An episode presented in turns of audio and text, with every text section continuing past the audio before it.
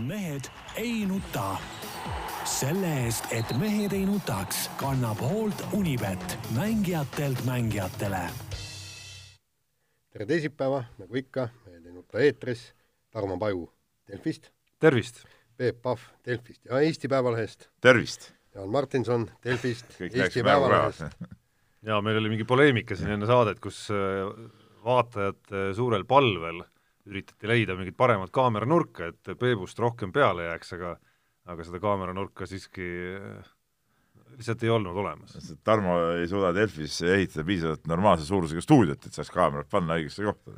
vastupidi, ma lihtsalt hoolitsengi sellest, et see pilt siiski esteetiline oleks. et see kaameranurk on tegelikult väga hea. ütlen, ütlen kõikidele nendele vaatajatele, kes meid äh, vaatavad. No nii, alustuseks ikkagi tahaks, tahaks õnnitleda kõiki Eesti pensionäre, kes saavad erakorralise ja, Ja. jõulise pensionitõusu. Jaan, ja see sinu iroonia muuseas on täiesti kohal. ei, kus kohas ei, iroonia? see on täiesti, see on täitsa, kammi juuksed ära ja istu nüüd rahulikult. teades, oota, oota, ma korra, jah, oota, ma nii. lihtsalt vaatajatele, Nii. kuulajatele, jah, lihtsalt, lihtsalt kui Jaan selle lause üles võttis, teades Peebu tänahommikust meeleolu, siis ma juba tajusin, kuidas Kerisele läks praegu nagu sihuke ma tahtsin teema nii üles võtta. sest ma teadsin, et sa tahad nagunii selle ma tahtsin teema üles võtta, siin on nagu mitu asja nagu, et kõik need, need, kes siin räägivad, et seitse eurot ja mõttetu ja ja, ja, ja ei, võib-olla nende äh, linnavurlede jaoks, kes raha paremale-vasakule loobivad, voltide ja boltidega endale sööki tellivad koju, tead, ja ma ei tea, mis asju, tead. Nende jaoks võib-olla see tõesti on mõttetu, aga tavalise pensionäri jaoks seitsme euro eest, mit-, mitme päeva söök on see, mitme päeva söök ei, absoluutselt selles on. suhtes eh, kõik need irvhambad, tead, minge, minge puu taha, proovige ise selle neljasaja eurose pensioniga ära elada ja, ja, ja kui ja siis ja selle, selles valguses ka seitse eurot on äh, väga okei Jaa, kuigi me- sealt tuli veel selle mingi äh, muu arvestusega, noh, tegelikult tõuseb rohkem, eks ole. nii, aga, aga samas ma ütlen, et kui me räägime korralisest pensionitõusust sada eurot ja sellest jääb järgi seitse eurot, ei no jäänud seitse ju. Ma tä-, ma täpsustan fakte, nii palju täpsustan praegu ja ütlen, et ütleme, kuuekümne kahest on järele jäänud seitse siiski. no kuuekümne sada kaheksa pidi olema koos indekseerimisega, mille pealt tuli kolmkümmend kaheksa ehk siis kuuekümne kahest on jäänud alles seitse. see on, aga, aga see on võimas, üksteist protsenti. aga see on võimas. no aga miks ikka? nii, aga Peep, nüüd kohe teine, teine asi otsa. mis sa nüüd arvad, kas äh, maamakse hakatakse üle vaatama sellepärast, et nad on liiga kõrged või sellepärast, et neid tahetakse tõsta? Eestis maamaks see pole olemaski praktiliselt, see on ju naeruväärne summa, mis läheb maamaksuks, noh täiesti, tähendab, jälle ma ei tea, võib-olla need eh, Woltide ja Boltide kasutajad, kes elavad siin Tallinna tornelamutes, ma ei tea, kuskil vedelevad hommikust õhtuni, vesipiibud suus ja ma ei tea, mida veel, eks ole, kokaiini need triibud laua peal. võib-olla nende maamaksud on siin kõrged. aga kus mina elan, mul on väga suur krunt, maamaks on pu puhtalt sümboolne. minu pärast tõstku seda kas või kakssada protsenti, mingit küsimust pole. Peep, aga vaat siin ongi nüüd äh, see, et, et sinul on ju okei okay,, sa oled tööl käiv inimene, aga kui sul on pensionäril on vaja nüüd äh, maamaksu, nagu nad väidavad, et kuus korda tõsta, no ma ei usu, et kuus korda tõstetakse, aga ka kolm või neli korda tõsta, siis tähendab see, et, et kõik see erakorraline seitse eurot, mis neile antakse, see võetakse topelt tagasi. ei no see ei tõu-, see ei tõuse nii palju, Jaan. sa No no, täna- maamaksus mingit aimu üldse või? Täna- kuule, ma maksan ju ka, ma palju maksan sa maksad oma suvila kooperatiivis? no tõesti, ma ei maksa eriti no, palju. aastas võib-olla kümme eurot. ei, ei, meil on, meil on ikka rohkem. täna pärastlõunal Jaan ja Peep saavad need asjad selgemaks, tuleb riigieelarve täpsemal kujul välja ja jaa, aga no lihtsalt asi on põhimõtteliselt, nagu täpsemalt et see, see, ütleme, muidugi, muidugi ma ütlen, seitse protsenti või seitse eurot loomulikult on vähe, aga see on parem kui mitte midagi, see on fakt, tähendab. no, seda niikuinii. ega tegelikult ei käi ju, ei käi ju küsimus selle üle, kas pensionäridel ei peaks või peaks tõusma, küsimus on, et kas selle mitmekümne miljoni eest, mi- millega antakse seitse eurot juurde, võiks äkki midagi nagu targemat teha. aga mis on veel targem siis? noh, tegelikult oli minu arust meie, meie tänase tegelikult- Eesti Päevalehe juhtkiri oli täielik bullshit ju tegelikult Äh, nagu ja sa- see oli täielik jamps, seal oligi välja pakutud midagi targemat. Kuule mis, mis pensionäri sellest kasu on, kui sellega tehakse midagi targemat, kui sa oled ise nälgas ja viimased, ütleme enne pensioni saamist viimase nädala ajaga saab ühtki krooni või tähendab eurot äh, rahakotis. mis sellest ta targemast kasu on siis? nagu sa, Peep, väga hästi nägid, siis äh, olin ma ühe aspekti osas selle juhtkirja üle ka ise kriitiline hommikul aga muus osas mis puudutab näiteks igasugu, igasugust omastehooldust ja erivajadustega inimesi ja kõike seda, siis ma ütleks, see on kindlasti koht omastehooldust ma pean nagunii ise maksma ju, noh. see on kindlasti koht, kus riik võiks rohkem ei no aga need ei ole omavahel seotud ju, need ei ole omavahel seotud. üks, üks riigi raha kõik. oota, kuule, oota, stopp, tegelikult omastehooldus, ma ütlen niimoodi, Äh, kui inimene jääb haigeks, tuleb panna hooldushaiglasse või hooldekodusse, miks mina pean seda maksma, see on samamoodi haigus nagu iga teine haigus, see peaks olema nagunii Haigekassa rahadest, see on nagu loogiline. Ja need ei ole pensioniga üldse omavahel seotud. seda ma ju räägingi. noh, aga need ei ole omavahel seotud. seotud ei ole, üks riigi raha kõik. üks riigi raha, no siis me võiks ju üldse öelda, et et ärme sportlastele enam palka maksa, seda saab paremini, noh, absoluutselt, on normaalne ei, ei, nii no, saab öelda, sest no, üks riigi rahakott aga see on ju mõttetu möga ju, noh. see on ju mõttetu möga ja niisuguseid asju välja pakkuda, noh. Tarmo. No., lahendus on ju väga lihtne ja taskust võetav. makske nii palju pensioni, et äh, inimene saab ise oma hooldushaigla kinni maksta, nagu on Põhjamaades, ja talle jääb veel äh, taskuraha järgi ka. väga lihtne ju, on ju? no teoorias küll, jah. noh, nii. aga sinna aga, tuleb aga, küll aga, suuremate sammudega minna kui seitse eurot. no, no jaa, aga, aga, aga mis me, miks me, miks me ei tee nagu igal, igal pool maailmas? et, et lähedased ei pea seda kõike kinni maksma vaid pensionär suudab ise seda teha. selle poole tuleb minna, aga seitsme euroga me tõesti sinna ei jõua. nii, aga lähme spordi juurde, siin läheb kogu aeg tolmutamiseks inimesed kole, ma tunnen praegu, et nagu hoog on sees, et et üks mees hoidku külma, piip ja prillid praegu, tead noh no, millest me rääkima hakkame, jah. Eesti võrkpallikoondis siis lõpetas Euroopa meistrivõistlused viimase kohaga, saadi äh, tappa kõikides äh,, kõikides mängudes äh, ja noh, see oli nagu juba vist eelmises saates meil teemaks, aga, aga nüüd selgus, et äh, Georgi, George Gretu äh, peatreener pani sellega ameti maha, nii kui esimene väikegi põrumine oli, nii putkas vend kohe kiirelt minema. ei, see oli ainuõige otsus. ei, no, ma ta... ütlen, enne, enne kui Gretu juurde minna, ma nii palju ütlen, et äh, seda oli aimata eelmise saate ajal, kui kaks mängu oli jäänud veel. aga noh, mingi lootus siiski püsis, et, et vähemalt nagu nii-öelda pannakse kuidagi nagu jalgel punkt sellele turniirile, et aga mille põhjal see lõpuks, on? lõpuks no,, lõpuks jäi siiski üks geimi võit selles kahes mängus äh, meie saldoks ja see viimane lõpp oli ikka, läks nagu päris nutuseks ikkagi. et, et nüüd... nii nutust, nii nutust äh, lõppu ikkagi ei oleks oodanud. ei no see selleks, aga mis, äh, no jah, see lõpp oli vaimne äravajumine, noh see, siin sellest ei ole midagi rääkida ja ja, ja tead, ma ei tahaks isegi Gretust midagi äh, midagi rääkida, et see natuke, oota, ma tean, millest sa tahad rääkida ja. ja sa saad kindlasti selle kõik, saad koguda veel natukene seda, aga mul ei ole siin midagi koguda enam, et see kõik ootab sul, vaata, vaata kui äh, tammi taga paisub niimoodi, see vesi, vesi koguneb ja koguneb ja siis mida natuke lükkad edasi, seda suuremana ta tuleb välja. et ma nagu pikendan seda lihtsalt natukene, et tulles korra nende mängude juurde veel tagasi ja selle turniiri kokkuvõtte juurde tagasi, et äh, lõpuks jäi ikkagi päris palju selliseid ja ka tulevikku vaadates ju äh, noh, ma ei tea, kas, mis see sõna, õige sõna on, nukraid või muret tekitavaid signaale kõlama sealt, et okei okay,, üks asi, me oleme rääkinud nendest vigastustest põhimeestele, Robert Tähele ja ja Rene Teppanile ja mingitest aukudest seal ja nõrkadest kohtadest nagu libero koha peal näiteks sellel turniiril.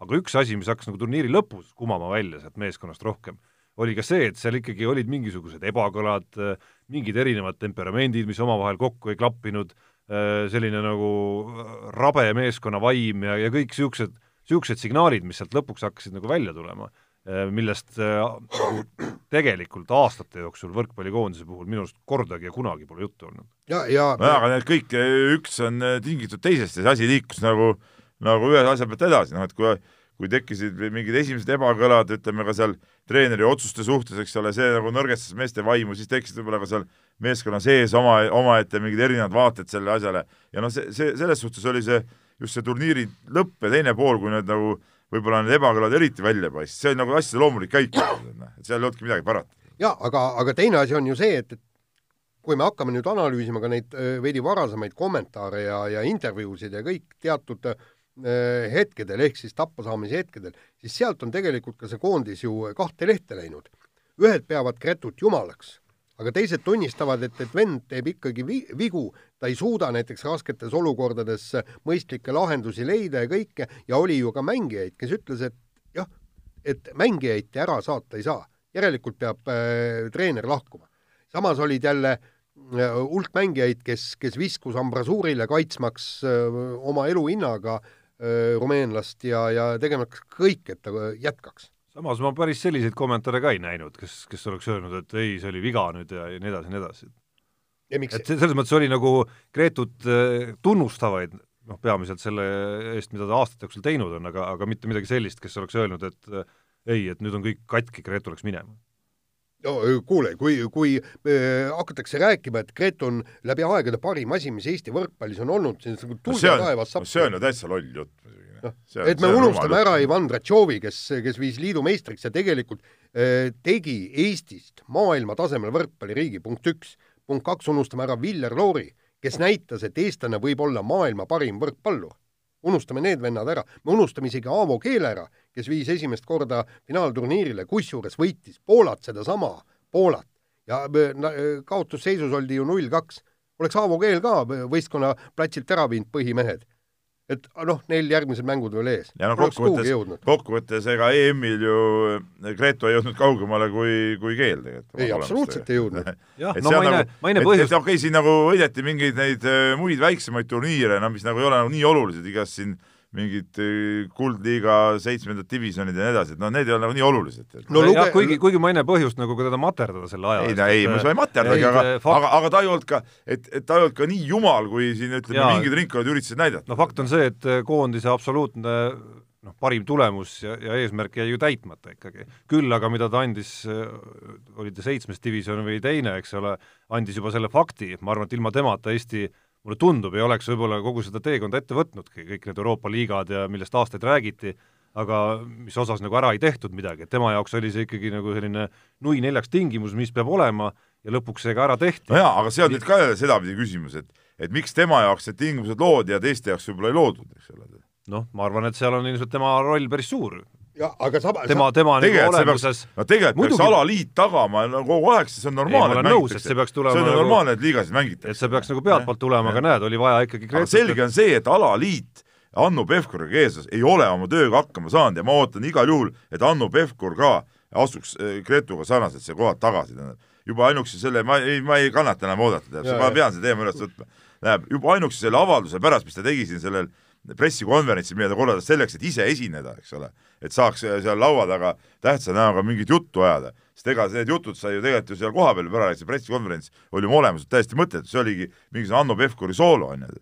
et ja siis, kui ta ütleb, et, et ei, et ei, mis Eesti treenerid, tähendab, põhimõtteliselt ta andis teada, et Aavo Keel, ta, Urmas Tali, eks ole, Andrei Joemas, te, te olete täielikud kotipoisid, noh. Te ei ole nagu treenerina küünemusta ka väärt ja mitte keegi, nullvennad, täiesti nullvennad minge tootval tööl ära, teil ei ole nagu, nagu seda kompetentsi, et juhendada Eesti koondist, no tere hommik, me peame välismaalase võtma, no mis, mis, mis, mis, mis haige jutt see on? ja, ja isegi kui ei ole meil niisugused treenerid, siis ka see on alaliidu süü, eks ole. et alaliit ei ole midagi teinud, et kasvatada meile nii häid treenereid, kes oleks võimelised koondist juhtima. aga noh, selge see, et need mehed on ju tegelikult olemas ja, ja rääkida, et, et need ei saa hakkama, noh, ma ei tea, Aavo Keel Läti koondise peatreeneriks küll sobib, eks ole EM-il viis Eesti koondis sama kaugele kui Gretu, no milles asi on? miks me ei või anda Talile näiteks võimaluse, Urmas Talile mm.? aga palun väga, tead, noh. ei pea neid asju ajama mingisse nii, nii peeneks, oi, meile eestlased ei sobi. kui alaliidu president ütleb, et meil Eestis ei ole ühtegi head treenerit, siis, siis see alaliit on läbi põrunud eesotsas oma presidendiga tähendab, siin ma kõigepealt äh, ütlen Tarmole, vaata, et see, et me mängisime tõesti neid väikseid mingeid kuldliigad, hõbe, hõbeliigad, mis igas, iganes, eks, ja seal ju tegelikult, kui sa loed neid asjatundjaid, kes ütlesid, et kuulge, kas meil oli vaja parimas koosseisus minna mängima ja, ja võitma neid, pannes kaalule Euroopa meistrivõistluste tulemus ja ka selle EM-i puhul ju räägiti seda et kas oli, oli mõtet, kui, kui vastased mängivad osaliselt või täielikult teiste koondistega. jaa, aga noh, antud EM-i puhul see ei ole teema siiski. antud EM-i on... puhul mängis ka Eesti päris ja, palju, küll, päris palju ja. ikkagi teiste meestega, aga, aga, aga eelmistel aastatel küll, jah. ja eelmistel aastatel küll. ja nüüd ma, nüüd ma tahangi ka nüüd Pevkuri puhul öelda, vaata minu meelest kuigi noh, ütleme korraks veel, eelmisel aastal polnudki EM-i. jaa, ei, aga, aga üle-eelmine aasta oli see ju teema nii, aga Pevkuri kohta, mis ma tahan öelda, vot ma, ma tõesti ei saa, et kas või toome kas või sita väljamaalase, aga peaasi, et ta oleks väljamaalane. kas, kas ei tasuks proovida leida erakordset inimest, kes või äh,, treenerit, kes võiks midagi teha enneolematut, nagu on teinud Tratšov, nagu on teinud Jaak Salumets, kes viis korvpalli Euroopa meistrivõistlustel kuuendaks ja võitis liidu tšempionaadi, nagu on Tarmo Rüütli, kes viis jalgpallikoondise eh, play-off'i ja nagu tõesti võta või Aavo Keel, kes viis või äh, Andrei Ojamets, kes on teinud midagi sellist, mida Eesti spordis varem ei ole tehtud. Andrei Ojamets on seda üsna värskelt teinud. just on ja, ja, ja, ja, ja, aga vaata. nagu te teate, ei jaga ma, Peep, sinu arvamust äh, selles osas umbes, et välistreenerid on saatanast ja minu arust on täiesti okei okay. ja vahel ongi hea neid tuua, aga, aga see Pevkuri lause, siin ma ei suuda ausalt öeldes nagu väga head debatti püsti panna isegi, sest miks neid välistada eos jääb ka mulle segaseks. ja, ja teine asi, mis siin no võrkpalli mõned nii-öelda asjatundjad ja žurnalistid ütlevad ka, et noh, et et Eesti treeneril poleks mängijate hulgas respekti ja ja no need Eesti treenerid on need, et umbes noh, kutid, lähme ja paneme, aga nüüd on mäng palju nüansirikkam. sama Tarmo Rüütli jalgpallikoondise treen-, treen-, eesotsas, eks ole, oli ka niisugune ikka emotsioonimees ja nagu lihtsate asjadega nagu nagu tegi neid öö, tulemusi ja jõudis kõige kaugemale, eks ole. nüüd need noored mehed on küll suured suured äh, teoreetikud ja, ja sätivad seal mingit peenhäälestust teevad, aga tulemust pole, eks ole. et, et selles suhtes ega see mäng ei ole nii, nii keeruline. no pidi ka palju on ka seda, palju on ka seda ikkagi seda emotsionaalset poolt ja, ja, ja see, kui mängijatel ei ole respekti, no come on, siis need mängijad pole vaja sinna koondisse. ei no pidi, pidi ju ka nüüd või pidime me tõdema selle Gretu koondise lõppvaatuse puhul, et just seal emotsiooni poole peal midagi nagu viltu oligi läinud, et küll räägiti seal, et oleks pidanud koos kinno minema või ma ei tea, õlut jooma kuskile, aga noh, tundub, et mingid sammud seal nagu jäidki tegemata. See, see on kindlasti no, nagu, see on kindlasti treeneri ja treenerite kapsaaeda läheb selline asi väga kindlasti, väga selgelt. ja, ja mis veel Gretu juurde tagasi tulles, mitu tõeliselt suurt mängu ta võitis. Aavo Keel võitis ühe, Poola, mäletad, kvalifikatsiooniturniiril pääsesime äh, sellega EM-ile, kusjuures tegu oli valitseva maailmameistriga. ja aga, aga Gretu, noh, me saime Serbia vastu kaks geimi, Venemaa vastu kaks geimi saime kätte, aga võitu ju ei tulnud. noh, selles mõttes jäid nad viiki omavahel muidugi millega? no ei no EM-finaalturniiri ja üldkoha järgi jäid nad ju viiki. kuule, ühe, ühel vennal on võimalik äh, kolmteist mängu mängida ja saada üks võit, teisel no, oli seitse. ei, ei, no Aavo Keel ei mänginud ühte tsüklit ainult. Mis te jamate, Jaan, su ajalugu, ajaloomälu ei, kaks tsüklit mängis, aga see ongi äh, pisut ähmasem. see ongi seitse mängu, kaks tsüklit, noh. toona mängiti alagrupis kolm mängu. ei no kas kolmas tsükkel ei olnud mitte ka, kus ta ei pääse ei, seda, ei, seda küll, me mõtleme seda küll, no, aga, aga, aga oled sa vaadanud, kes siis, kes siis olid äh, seal alagrupis? alagrupis olid, kallid mehed, olid Holland ja Belgia kusjuures Belgia lõpuks tuli seitsmendaks ja me võitsime, võitsime kolm-üks ja kaotasime kaks-kolm ja võitsime Hollandiga, mängisime ka kaks-kolm. Et kui sul on alagrupis niisugused äh, vägevad vennad, et, et tõesti Aavo Kellel oli üliraske sealt äh, läbi murda. et seda tuleb ka vaadata. nii. lased kõlli? laseme kõlli või? ongi kõik või? no räägime nüüd mingit naljateemast ka siin kiires vahemängus, kui siin on, ma pole veel vaadanudki. ega seal väga palju nalja kusjuures ei ole. või no natuke on ka. noh, alustuseks minu arust esimene uudis, esimene väga naljakas. ei, seal ei ole minu meelest äh, naljakat midagi, seal on päris tõsine asi, et Eesti jalgpallikoondis kukkus FIFA edetabelis saja teisele kohale ja platseerub käesoleval hetkel Palestiina ja Liibüa vahel no.. minu meelest jumalast miks sa naerma hakkad, seal midagi nalja ei ole? jumalast vinge kolmik ju. jah et vot see on see see on see, kui asjad kisuvad kiiva, no ma ei tea, no ega ei, me ei taha nüüd parastada ka, no ega siis ei no aga lõppkokkuvõttes ju ei ole midagi dramaatilist. saja piiri peal oleme, vaata, kui, te, vaata oleme... kui tennises näiteks jõuab äh, mängija äh, esisajasse, siis see on nagu ütleme, teatud nagu niisugune piiriületus, noh.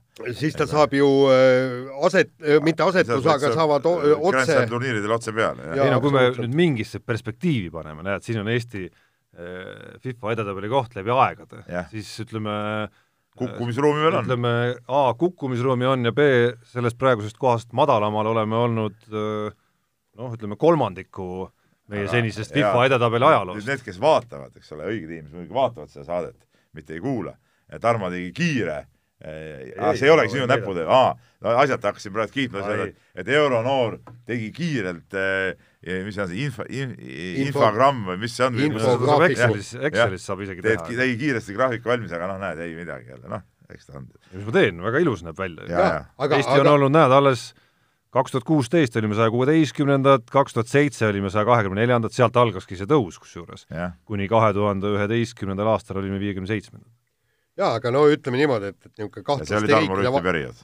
jah, kahtlaste riikide vahelt tuleks välja pugeda. seda muidugi, see oleks natuke, natuke nagu kummaline muidugi jah, mis Palestiina ja Liibüa, noh. aga äh, vahetame teemat, kuigi mitte eriti kaugele, jääme jalgpalli juurde ja tegelikult äh, ka jalgpallikoondise juurde kaude, nimelt tuli eile siis uudis, kuidas äh, kauaaegne FC Flora äh, grusiinist jalgpallur Zakaria Beglarišvili sai siis oma Eesti passi kätte, hetkel ta küll Floras ei mängi, mängib Soome liigas ja nüüd on küsimus muidugi huvitav, et kas, kas mees saab ka kutse äkki koondisse. mulle endale küll tundub natuke vaadates tausta, et, et kas ta tase natukene ei ole nagu Alla käinud. viimasel ajal, et Soomest ta vist väga regulaarselt väljakule ei saa tegelikult. ma ei oska, see on nüüd, nüüd me räägime teemast, millest me mitte, mitte midagi ei tea tegelikult. et see ei ole seganud küll ei, Peep see, ei, see ei ole kunagi sind kunagi. see ei ole mingi probleem.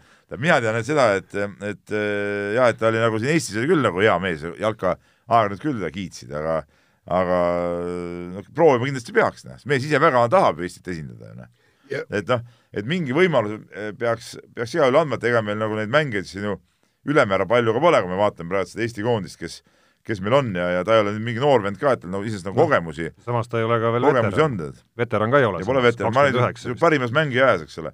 Et igal juhul ma arvan, ma usun ka, et talle antakse mingi võimalus, kutsutakse koondist, eks siis on nagu näha, mis, kuidas ta niisugusel kõrgel tasemel välja kannab, kannab näiteks mõne mõne tippkoondise vastu mängus, noh et ega ta pole niisugust jalgpalli ju mänginudki. jah, no hetkel ta igatahes, nii palju kui ma jõudsin vaadata, Soome klubis SJK on ikkagi selline vahetusmees. aga, aga aga, aga eks see Soome liiga ongi kõvem kui Eesti liiga, ma saan aru.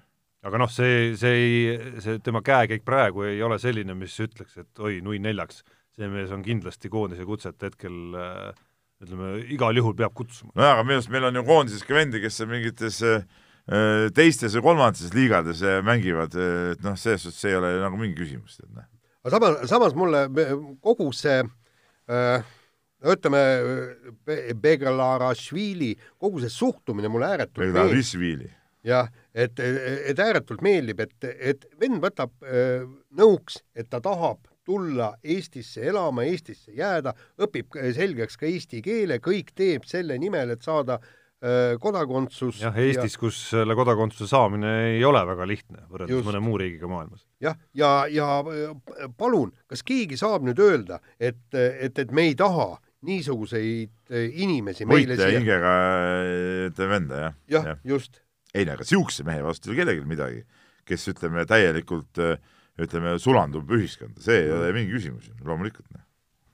nii, aga äh, jalgpall, ma ei tea, meil on väga jalgpallikeskne see plokk millegipärast. Tallinna FC Levadia siis tegi ju treeneri vahetuse siin enne tähtsat mängu Floraga, mis oli sisuliselt ju meistritiitli otsustav mäng ja aga kasu ei olnud midagi. Flora võitis omavahelise kohtumise ja põhimõtteliselt on peaaegu tšempion juba. jah, mis seal on, viis punkti, üks mäng varuks veel, mänge oli jäänud seal, ma ei tea, käputäis, viis-kuus vist. tõsi, Floral on mängida Kaljuga üks mäng ja vist oli ka Transiga üks mäng.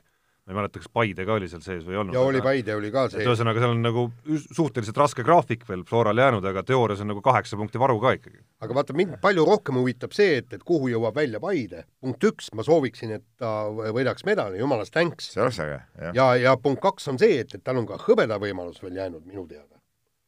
jah Et-, kui siin Levadia nii-öelda noh, kuidagi ütleme, treeneri vahetus annab hoopis vastupidise efekti, siis siis võib haprasti minna küll, hetkel on kaks punkti Paide ja Levadia vahel ainult. nii nagu me siin eh, eelmine nädal ka rääkisime sellest Levadia treeneri vahetusest, et siin võib anda nagu kahesuguse efekti, eks ole, et enne tähtsat mängu noh, et väga suur riskibusiness on see treeneri vahetus, teisalt noh, elu on näidanud, et eh, pallimängus tihtipeale see esimene mäng peale treeneri vahetust on nagu ka mängijate osas kuidagi noh, see on nagu, nagu, nagu seletamatu isegi mõnikord, et ega see uus treener ei jõua ju midagi eriti teha, aga millegipärast pallimängualadel tihtipeale uue treeneriga tulevad asjad kuidagi nagu kolm korda paremini välja. aga noh, seekord ei tulnud, noh, et, et et nüüd võib öelda jälle, et ilmselt see samm ei olnud ikkagi õige. jah, no mis Paidet veel puudutab, siis äh, selle medali vormistamine muidugi maailma lihtsam ülesanne veel ei ole, sest Nõmme Kalju on suhteliselt lähedal. aga mis puudutab veel Flora tiitlivõitu, siis Peep, sa huvitav, et sa jätsid nagu markeerimata ühe väga märkimisväärse seiga selle mängu juures, kes lõi otsustava värava Flora ja Levadia mängus tead, ma tunnistan ausalt, ma ei teagi. no,. mina, mina nägin selle Kostja. Vassiljev, aa, Vassiljev, ei löönud ei. löönud või? tema lõi üles posti ja siis tuli Ah, sealt, tuli okei. pea, jaa, sealt tuli peaga, aga põhitöö tegi muidugi Vassiljev ära, jah. ei no eks Vassiljev ongi selge see, et ta on selle meeskonna A ja O ja, ja, ja kõik muud tähed eh, veel sinna juurde, et, et, et lõpuks see otsus, kui siin Vassiljev oli selline noh, kuum kaup ikkagi Eesti klubide Jah. vahel, et lõpuks see võit värbamisturul on, on Flora jaoks ikkagi olnud korralik jackpot, jah, ja Eesti kui, liiga mõistes ikkagi. jah, ja kusjuures, kui nad räägivad, eks, et need Eesti mängijad, liiga mängijate palgad ei ole eriti äh, suured ja kõik, et me, me ei, me ei ole võimelised äh, palkama äh, väga häid jalgpallureid, kuna nad tahavad nii, niivõrd palju pappi, siis äh, võtke Vassiljev on ju, eks, kui sa äh, lõpuks tuled meistriks, sul on ju, mis see oli oota, mis, sa räägid, Jaan, Vassiljev lõi kaks-üks värava, no jumala auto, noh. Aga siis järelikult see pall läks siis ikkagi üle joone, ta läks äh, latti, kukkus joone peale, sealt Jaan suudab nii veenvalt kogu aeg nagu ei, ei, ma vaatasin seda, aga aga kuna ma vaatan seda jalgpalli ma ei viitsi seda häält kunagi panna, et siis aga, aga see selleks, et, et palgates Vassiljevi, makstes talle ka korralikku pappi, et tänu sellele sa tuled meistriks ja juba meistrile on ju gar- garanteeritud, mis asi see on, üks koma kaks miljonit, kes üle poole rohkem kui teise, kolmanda, neljanda koha omanikele. nii et tasub, tasub häid mehi palgata küll. nii, võtame järgmise teema ja räägime Anett Kontaveidist, kes mängib eh, kellegi reketi, ma ei tea, kes ta on, reket on muidu tegelikult tennisemängu vahend, aga muusikavideos peaosa, kuid paraku ei laula, vist ei laula, see oli, tähendab niimoodi, ma vaatasin seda videot, panin kõigepealt peale, Ah. see, see laul oli nii jube, et ma panin hääle maha ja siis ma lasin, et, et kui nüüd Anett Kontaveit seal kuskil teises pooles mõne laulusõna või midagi seal laulis, siis, siis ma siin paraku eksin, aga, aga noh, ütleme niimoodi, et, et nii jubeda laulu videosse minna, noh, ma ei tea, kas see oli kõige no, õigem Jaan on ikka niisugune salamuuvide austaja, et, et vaatab neid ja nii edasi.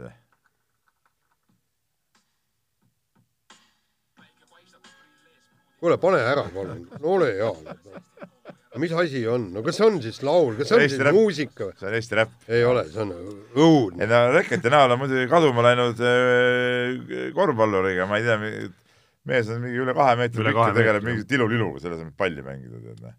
kas või tennist, vaata missugune serv sealt ülevalt tuleks, kui ta oleks noorest Ülevalt peale sporti hakanud tegema. jah, aga no jah, aga no eks meil Kontaveidi suhtes on ju hoopis ju tegelikult ju muud küsimused on, on praegu olulised, et kuidas ta oma sellest probleemidest välja tuleb, see noh, laulu ju see video on ammu tehtud, eks ole, aga aga, aga no ütleme, seis on, ma saan aru, et suhteliselt äh, keeruline, et, et tervise pärast ju jäi ju siin palju turniire vahele ja ja noh, mingi versioon on, et ta tuleb veel tagasi, mingi versioon, et ei tule, see ei jõua enam tagasi, et noh, siin No on jah. kaks, kaks, kaks varianti, et noh, ütleme, see võib ikkagi päris äh, noh, kuidas see mõjub nagu tervikuna no ütleme niimoodi, et, et tervis olevat väidetavalt korras ja tõesti nüüd äh, Anett ise ütles, et ta tahaks mängida mõningaid turniire, samas on jällegi äh, asjatundjad, kes, kes väidavad, et, et tegelikult tal ei oleks vaja tulla, sellepärast ta säilitaks maailma edetabelis koha äh, kolmekümne seas, ta saaks Austraalia lahtisteks asetuse, las ta praegu võtab selle hooaja lõpu äh, rahulikult, hakkab treenima ja proovib ennast järgmiseks aastaks viia nagu äh, mänguliselt uuele tasemele ja, ja mina pooldaks muide seda öö, variatsiooni verso-, versiooni. et, et ei ole minna, mõtet minna seal üksikuid turniire võib-olla mängima, et parem alustada ettevalmistust järgmiseks hooajaks. ei nagu Jaan pooldab, siis siis on kahtlane asi. ma ütleks, see on just kahtlane asi natukene. aga kiire vahemängu lõpetuseks naaseme jalgpalli juurde, eile teatati FIFA aasta jalgpalluri auhinna saajad, Lionel Messi oli see siis meeste hulgas, aga huvitavam seik oli siis äh, sealpool, kus avaldati ka need, et mida erinevad hääletajad siis äh, olid oma esikolmikusse pannud, muuhulgas said hääletada ka rahvuskoondiste kaptenid, kelleks on ka Messi ja Cristiano Ronaldo ja kui Messi pani oma talongil Cristiano Ronaldo teiseks, siis Ronaldo jättis Messi esikolmikust üldse välja. no aga tähendab, mul on siin küsimus, kelle nad panid esimeseks? See on teada? jaa, oli, oli, terve kolmik oli teada, minu arust Messil oli äh, Sadio Mane kusjuures, mis viib tegelikult järgmise mõtte juurde, et mõlemad mehed jätsid esikolmikust välja Virgil van Dijk'i, kes ühe aasta jalgpallitiitli oli nende eest nagu ära napsanud juba. ehk siis äh, et mõlemad kandsid hoolt, et vähemalt van Dijk uuesti ei tuleks nende vahele või nende ette. jah, aga nii, nii need on, aga, aga nagu selgub, et on ikkagi praeguse seisuga on ju Messil kuus, kuus seda maailma parima tiitlit ja ta on ikkagi parem kui Ronaldo. nojah, see, sellepärast võiski Messi rahuliku südamega Ronaldo teiseks panna, et noh, et las siis poiss, las siis poiss saab ka veel, kui noh, nii häda käes on, eks ole, Ronaldo, kellel on hädasti vaja, see tegi siis kõik, et kindlasti ta leppis veel seal mingite tüüpidega kokku tuttavate, kuule ärge, ärge jumala eest Messi pange, jumala eest Messi esikolmikusse ärge pange, tead noh. nii on lihtsalt, noh, nii, laseme kõlli. lase. Unibetis saab tasuta vaadata aastas enam kui viiekümne tuhande mängu otseülekannet. seda isegi mobiilis ja tahvelarvutis. Unibet, mängijatelt mängijatele nii, Tarmo, räägid Unibetist meile alustuseks. no ma kuulan huviga, mida teie mulle räägite oma saavutustest Unibeti ennustajatena eelmise nädala jooksul. ütleme nii, et mina pean tunnistama, et võtsin vahenädala pärast korvpalli MM-i ja nüüd algab korvpallihooaeg ja algab ka kergejõustiku MM. nii et eh, nüüd tuleb uue hooga edasi panna no ütleme nii, et ei olnud, ei olnud suurt võitu ega ei olnud suurt kaotust. no see, see oli muidugi geniaalne lause, mis võib tähendada seda, et et mees hullas, aga pigem tähendas, et et, et ta suurt, et ta suurt ei teinud seal. et ma jäin väiksesse plussi ja kusjuures mul oli Ah. kaks, kaks, kaks väga head panust. kas see korraldajad kandsid seda raha peale, et ei, ei, ei, mul oli kaks väga head panust ja ühe keeras Ferrari pekki täiega, ma panin Leclerc'i peale, et ta võidab ja, ja no muidugi see Ferrari totrus, et, et selle taktikaga kaksikvõidu said ei, nad said, sai, jaa, aga see eh, maa, MM-i arvestused on Leclerc ju sellest eh, vinguviiulist eh, Vettelist eespool. kaksikvõit. kuule, ära hakka seda ära hakka seda lapsautojuhti nüüd siin kuskile püünele tõstma, las, las ta nüüd kõigepealt harjutab, las, ta olla seal, teine koht oli talle väga hea, tal ei ole eriti neid karikaid veel saadud, tead noh, las ta saab nüüd mõne teise karika vahepeal, ei ole mitte- jutt käib selles, et see, ta võttis raha minu taskust, Ferrari võttis Ei, no, taskust see minu oli sinu taskust rumalus. ei see olnud oli, sinu rumalus panna teda võitjaks. Vetteli peale panna raha, nalja teete.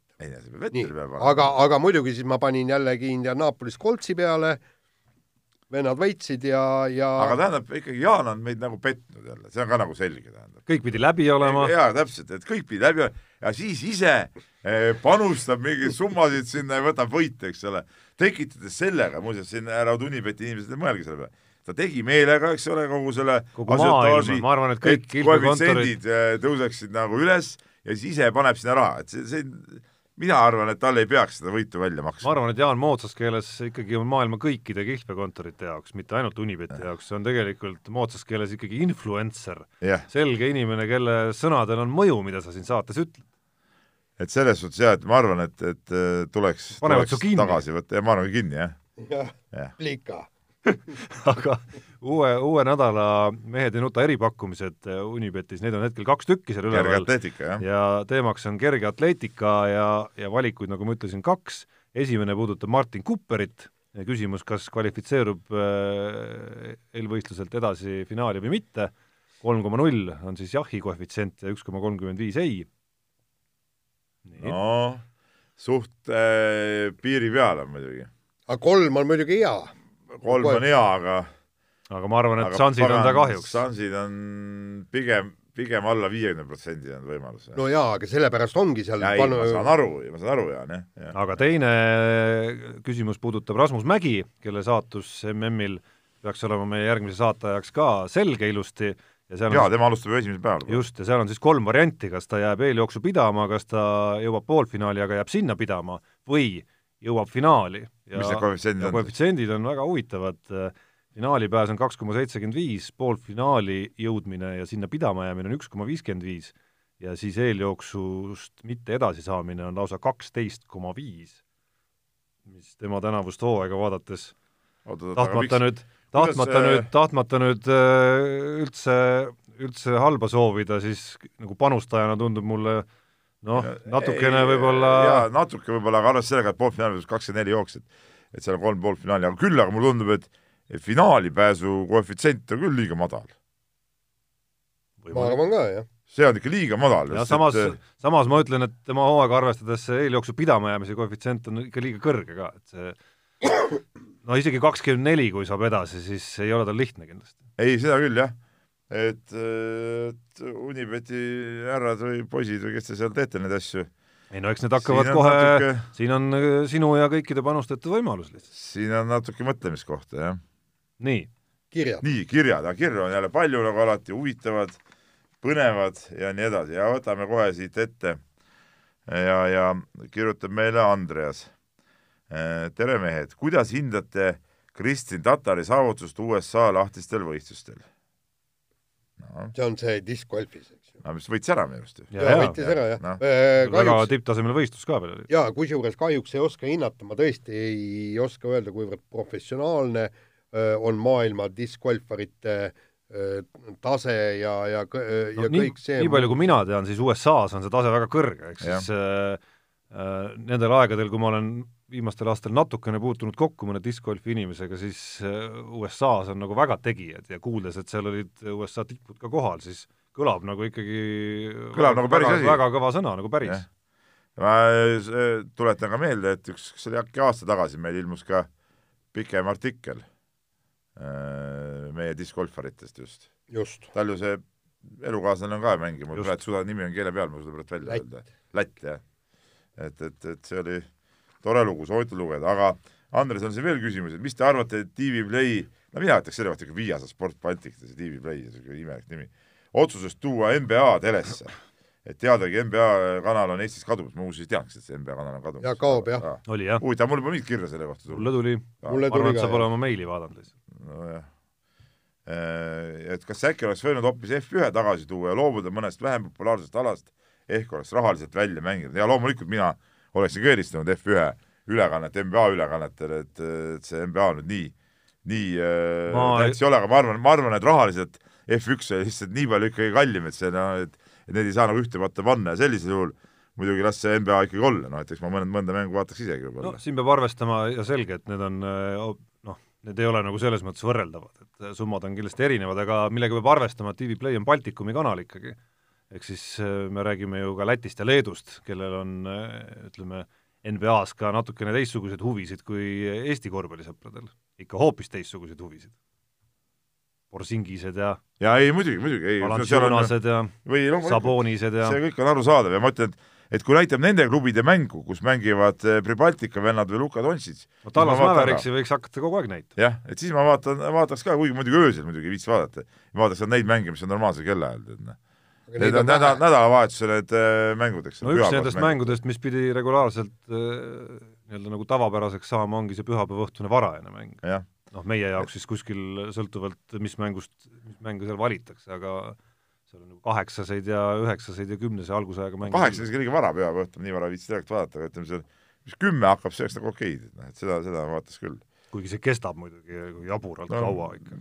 peaaegu ühene ilmselt siis. no peaaegu ikka tund, ümmarguselt tund kauem kui kuigi korvpallimäng panid tähele, aga MM-il kestsid mängud väga kaua, jube kaua. jaa, aga noh, nad ei läinud ikkagi sinna nagu üle kahe tunni me siiski kahetunnised mängud olid täiesti tavalised minu arust. üle kahe minu arust ei läinud, vähemalt äh, neid mänge, mida ma ise kommenteerisin, ka ju. lisaajad, lisaajad välja jättes, jaa, aga mänguaeg on lühem ka ju kui NBA-s, noh, selles suhtes nagu ikkagi MM-i mängud olid ja seda mitte ainult mina üksi ei öelnud, vaid mitmed inimesed ütlesid, et et, et mäng ise nagu see mängu kestus algusest lõpuni oli kuidagi nagu pikem kui tavaliselt ja mulle tundus ka samamoodi. nii. ja nüüd Andresele kolmas küsimus ka, et miks see Lever Cupi praegu peaaegu ei kajastatud uudistes, oli väga vaatemänguline turniir.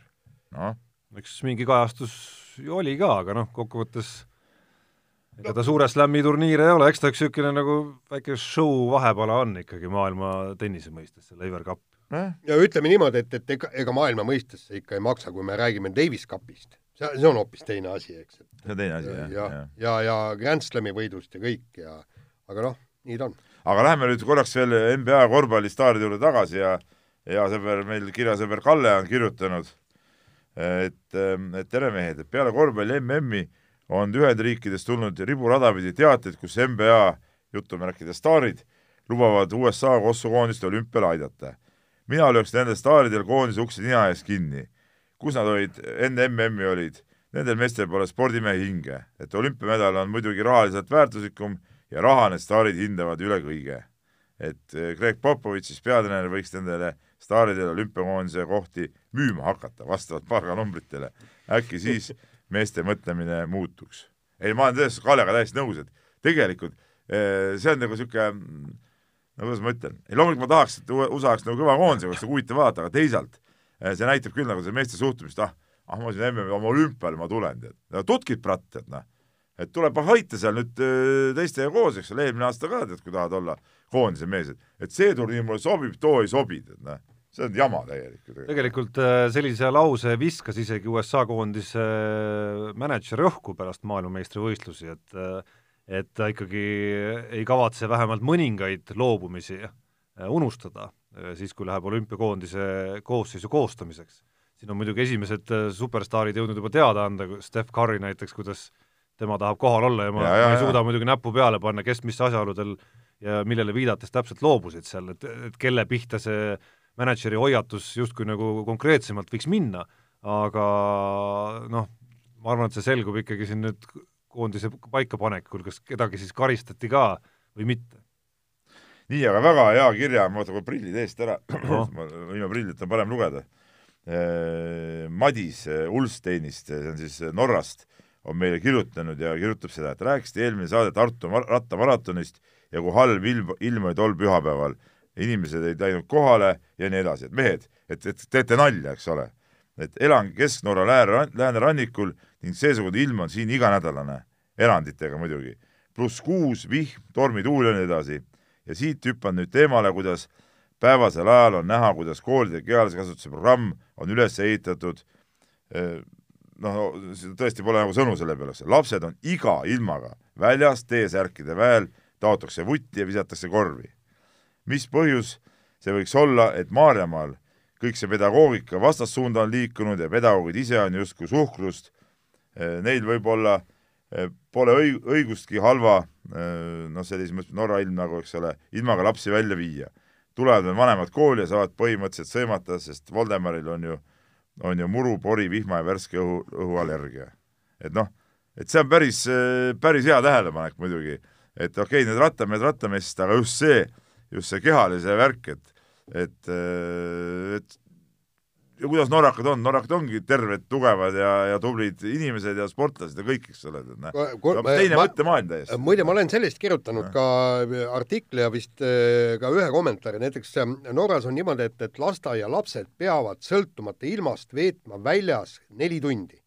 vanemate ülesanne on neile õiged riided selga anda. absoluutselt. nii Äh, teine asi, äh, mida rääkis äh, Katrin Smigun, kui ma Norras viibisin, see oli Oslo MM-i ajal, ütles niimoodi, et, et neil seal piirkonnas on lasteaed, kus siseruume ei olegi on varjualune, kui on lumesajus, neil on magamiskotid, kõik nad magavad seal. Äh, magavad ka õues, jah? ja magavad ka õues ja kogu aeg ja kogu õpitegevus ja kõik asjad. talvel ka siis lumega? absoluutselt, talvel ka, neil ei olegi siseruume ja ta ütles, et sinna lasteaeda on praktiliselt võimatu oma last panna, sellepärast järjekord on nii pikad, kõik Norra vanemad tahavad oma lapsi just sinna lasteaeda panna.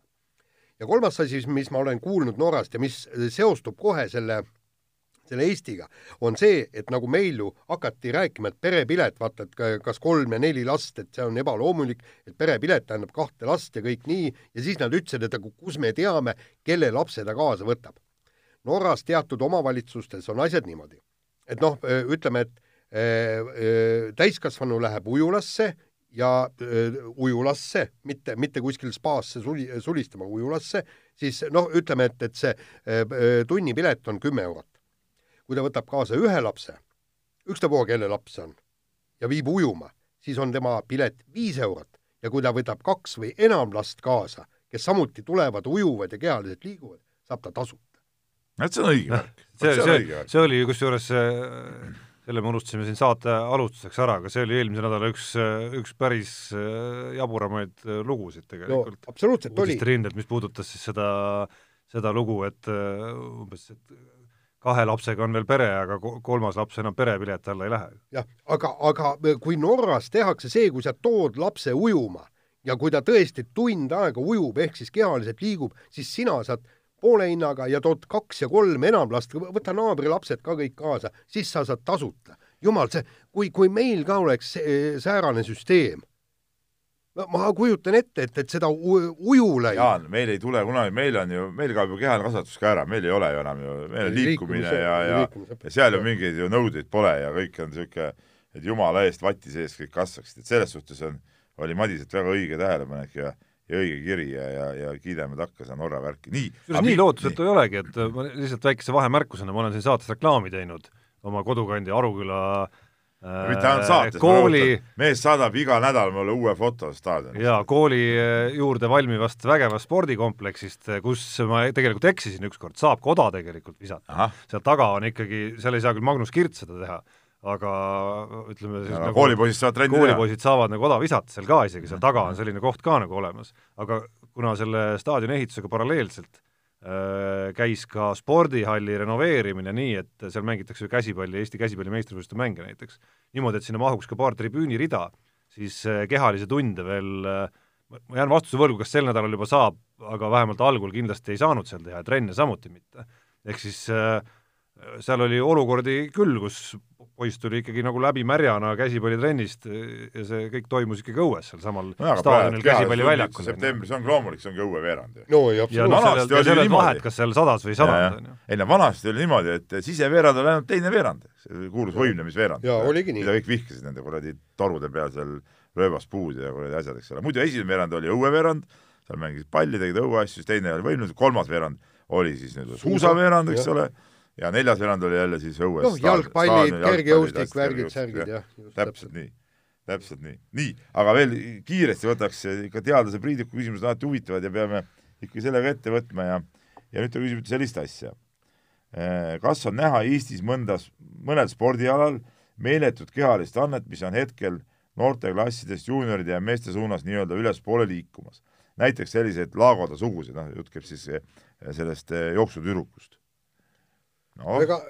no., neid alasid nüüd siin mõtleme, eks ole, et ega ega siin nüüd äh, väga palju nüüd ei ole, okei okay,, ma, mina tean nagu korvpalli asju võib-olla rohkem, korvpallis no, on mõned, mõned ette arenenud ähm, no Gerrit Lehe vist on üks Gerrit selline, kes mingi vanuseni oli vähemalt, et nüüd ta hakkab tasanduma natuke. Äh, no ei, ta veel, veel ei tasandu tegelikult, aga, aga, aga ta on ikkagi noh, ütleme, mängis kaks aastat vanemate vahel ja ütleme, seal oli, oli jumala okei. Okay.. et korvpallis ikka, ütleme seal noorte klassides ikka mingeid neid äh, akselerante nagu tuleb välja. aga ütleme üldjuhul nad jah, tihtipeale ütleme, kui juba siis nagu see päris sport kätte jõuab, siis nad juba on nagu teistega nagu muutunud suhteliselt sarnaseks. et, et, et ma ei oskagi öelda, kuidas seal su suusatamises või no,, või seal ei ole, ei ole ka nagu midagi nagu tulemas, et ega, ega mingeid imelapsi meil siin praegu nagu väga palju nüüd äh, küll ei ole nagu. aga noh, kõikide nende kehalise andekuse juttude kõrval minu arust äh, peaksid kõik spordihuvilised noored sportlased, treenerid ja ma ei tea, kes kõik panema ikkagi endale kuskile seina peale hoopis ühe teise lause, see noh, minul jäi ta mälusse nüüd sellest äh, meistrite meistrid, mis see saatesari on, äh, pühapäeva hommikuti ETV-s, kus siis Ando Palginõmmest oli lugu ja Raul Rebane rääkis seal Gerd Kanteri noh, nii-öelda nagu ma ei tea, loomise loost või, või, või tõusmise loost, eks ole, ja ja, ja see lause kõlas ikkagi, et tõeline andekus on ikkagi see oskus ja tahtmine tööd teha. noh, me praktikas näeme ikkagi, et, et kui, kui seda andekust ei ole ja see tihti ei pruugi veel väga noores eas olla välja löönud, et siis on nagu väga keeruline, ükskõik kui kehaliselt andekas sa oled. noh, ütleme niimoodi, noh no päris tippu me, jõudmiseks maailma parimaks ilmselt on mõlemat vaja siiski. jaa, e, kui maailma parimatega, ütleme noh, näiteks niimoodi, et, et mõned palli, üliandekad pallimängijad ja kes tegelikult tööd ei viitsi väga teha, nad on ka võimelised jõudma väga kaugele.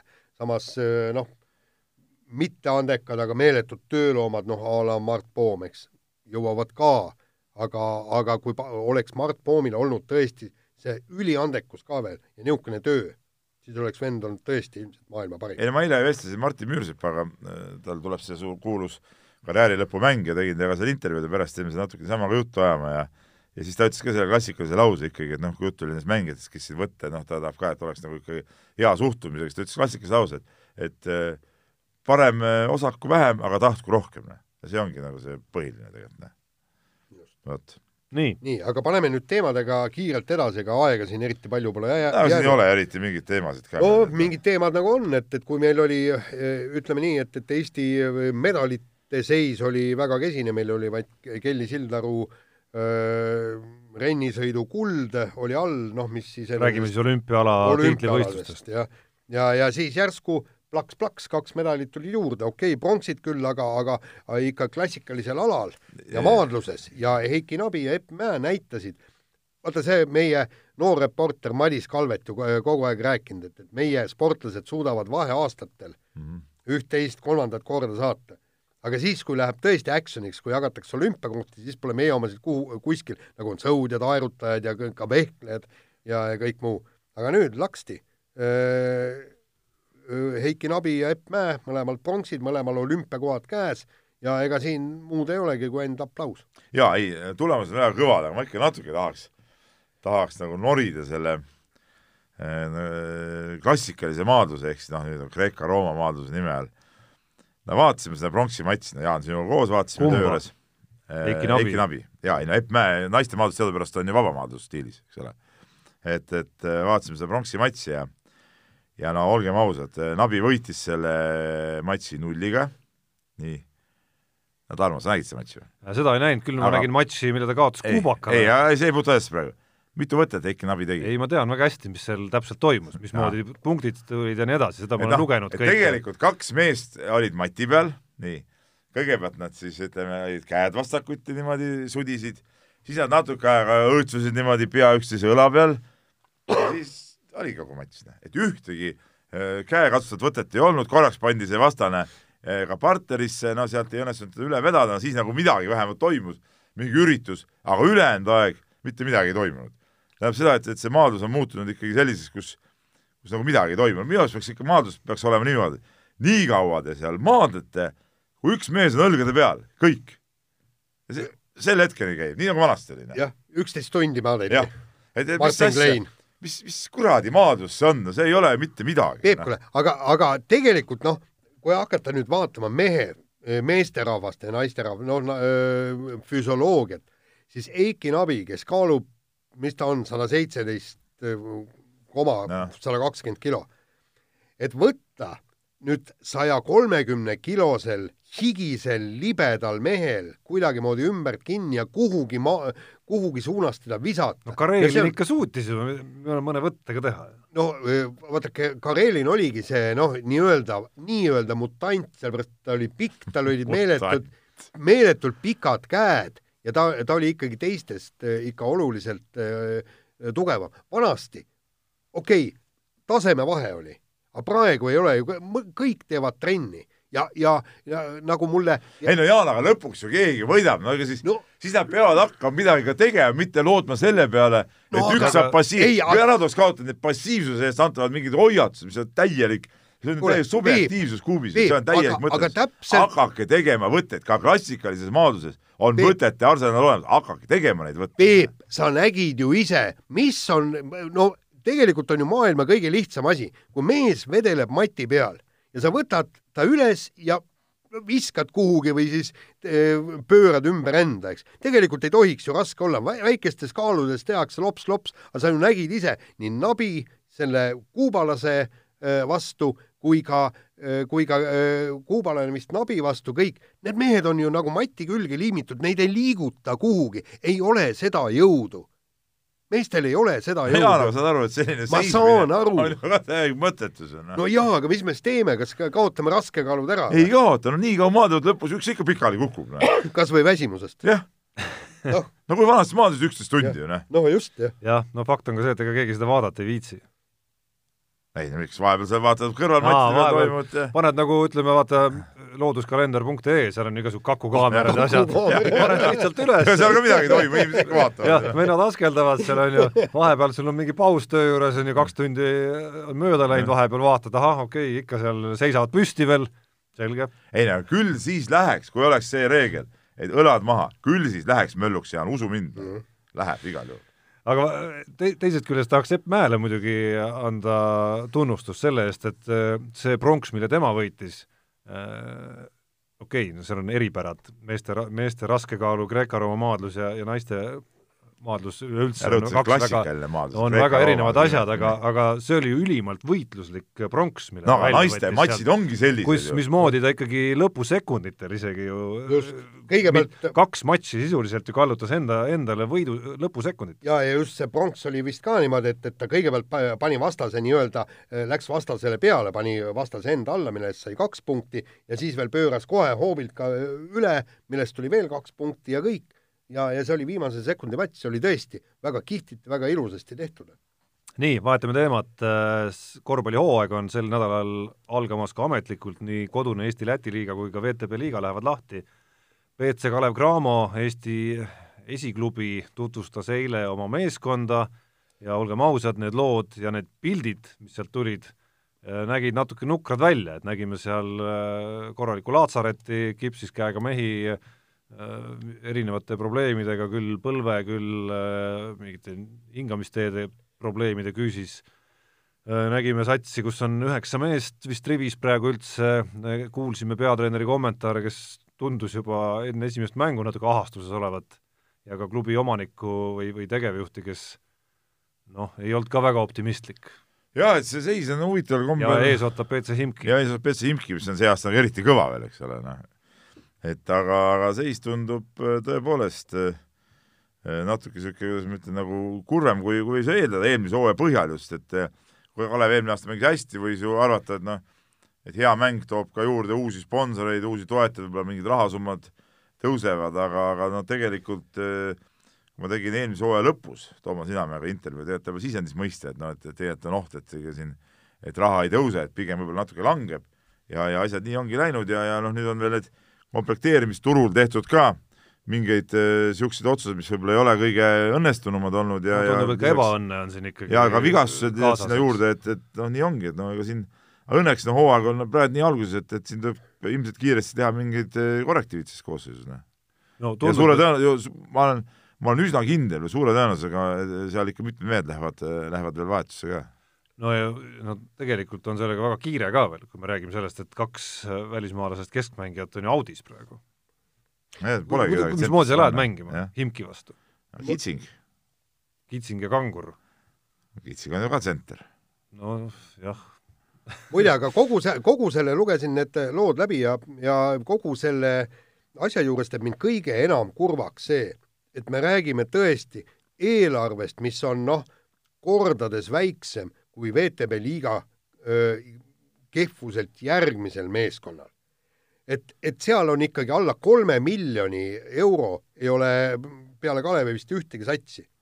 Ja- ma nüüd ei tea, minu arust VEF-i eelarve on ka see aasta väga väike. VEF ei mängi VTB-d Ah, õigus, VEF ei mängi, just, õigus, ja, õigus, ja õigus. VEF ei mängi, jah. ja, ja, ja, ja see Nii. jah, ja nende, nende Ja., muidu neil üldse sats tõmbas ka ka kokku, nii et tegelikult me, meil on esindusala ja esindusmeeskond ja, ja kuidas siis noh, kuidagi, kuidagi saa- et suudeta et me ei- õlg, õlgu alla panna. et me ei saa nagu kamba peale, ütleme Eesti peale, olgu need siis äh, linnad, riigid äh,, erasponsorid, korvpalliga seotud ettevõtjad, et, et ei suuda, et ei suudagi, Eestis ei olegi nagu potentsiaali su- mingisugust natukenegi suuremat mängu püsivalt mängida.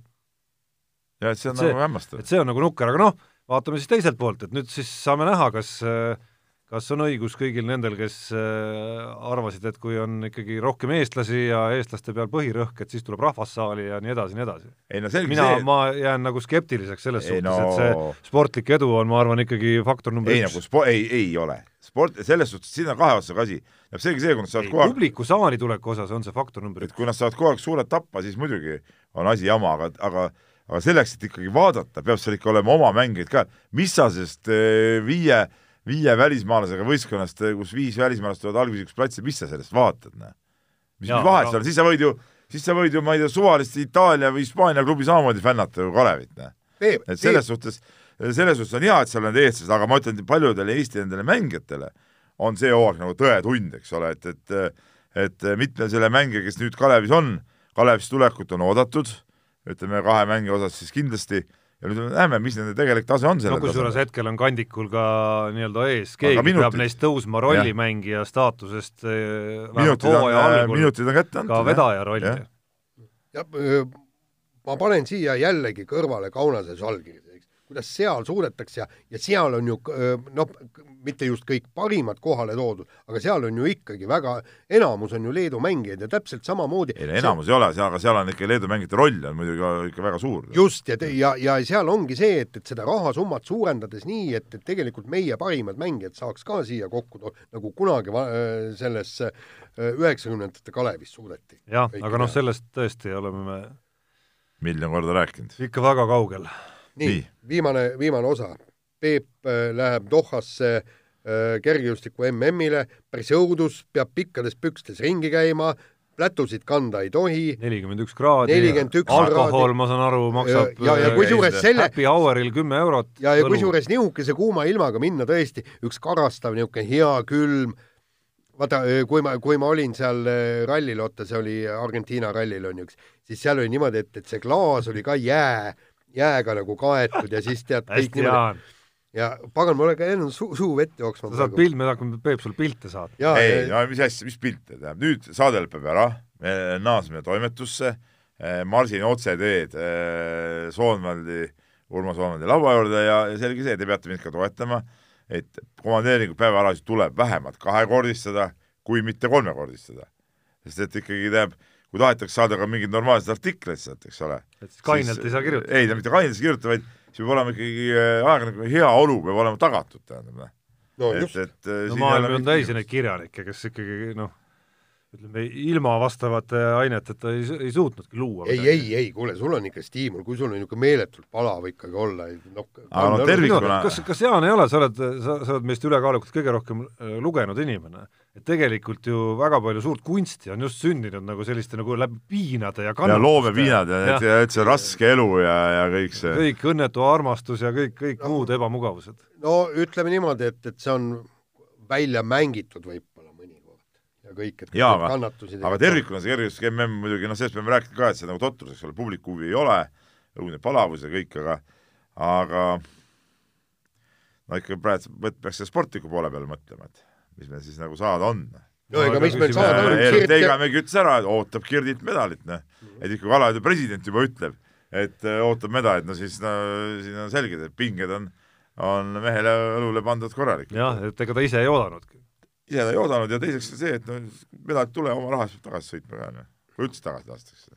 aga tegelikult on, ütleme niimoodi, et, et äh, selge see, et, et Kirdil on kõige suurem medalivõimalus, aga see medalivõimalus ei ole nii suur, kui on olnud medalivõimalus näiteks Gerd Kanteril tema parimail päevil, me räägime medalivõimaluse, siis kui ta tuli maailmameistriks, siis kui ta tuli olümpiavõitjaks no, siis Jaan, aga mees on ikkagi äh, maailma edetabeli on, on, aga, aga no rohkem on, üle kolme on ikkagi tunduvalt neid mehi, kes, kellele ta on võimeline kaotama, ütleme nii. täpselt, Ei, mäletad, mäletate jah., Noi Et kelle- ja odav ise on väga, väga ebastabiilne ala ka, väga ebastabiilne ala. sest no me suudame siiski manada ette võistluse, kus oletame, Kirdi tulemuseks jääb kaheksakümmend viis meetrit ei noh, sellega ei saa midagi, ja, ja on väga tõenäoline, et sellega medalit ei võida. sellega ei saa midagi. jah, aga, aga samas ikkagi tema võimalus on äh, päris aga suur. päris suur. jah, ja, ja, ja noh, jubedalt noh, sõltub ikkagi sellest, et kuidas sa seda võistlust alustad. noh, okei okay,, eeldame, et ta on, pääseb, pääseb lõppvõistlusele kõik. Kui sa ikka al alustuseks laksad mingi kaheksakümne kaheksa poolese vähemalt ära, et, et siis on noh, nagu pinged maas ja sealt saab edasi panna, aga kui nagu see äh, siinsamas äh, teemalt liiga finaaletapil, eks sa pead ootama kuuenda viskeni, siis on närvid pingul ja vot, vot siis võib jamaks, jamaks minna, aga, aga no ka Kirt tuli ka sealt ju puhtalt välja. ja ei, seda küll, jah. no ja mingi, mingi variant on ka Maicel Uibo ikkagi.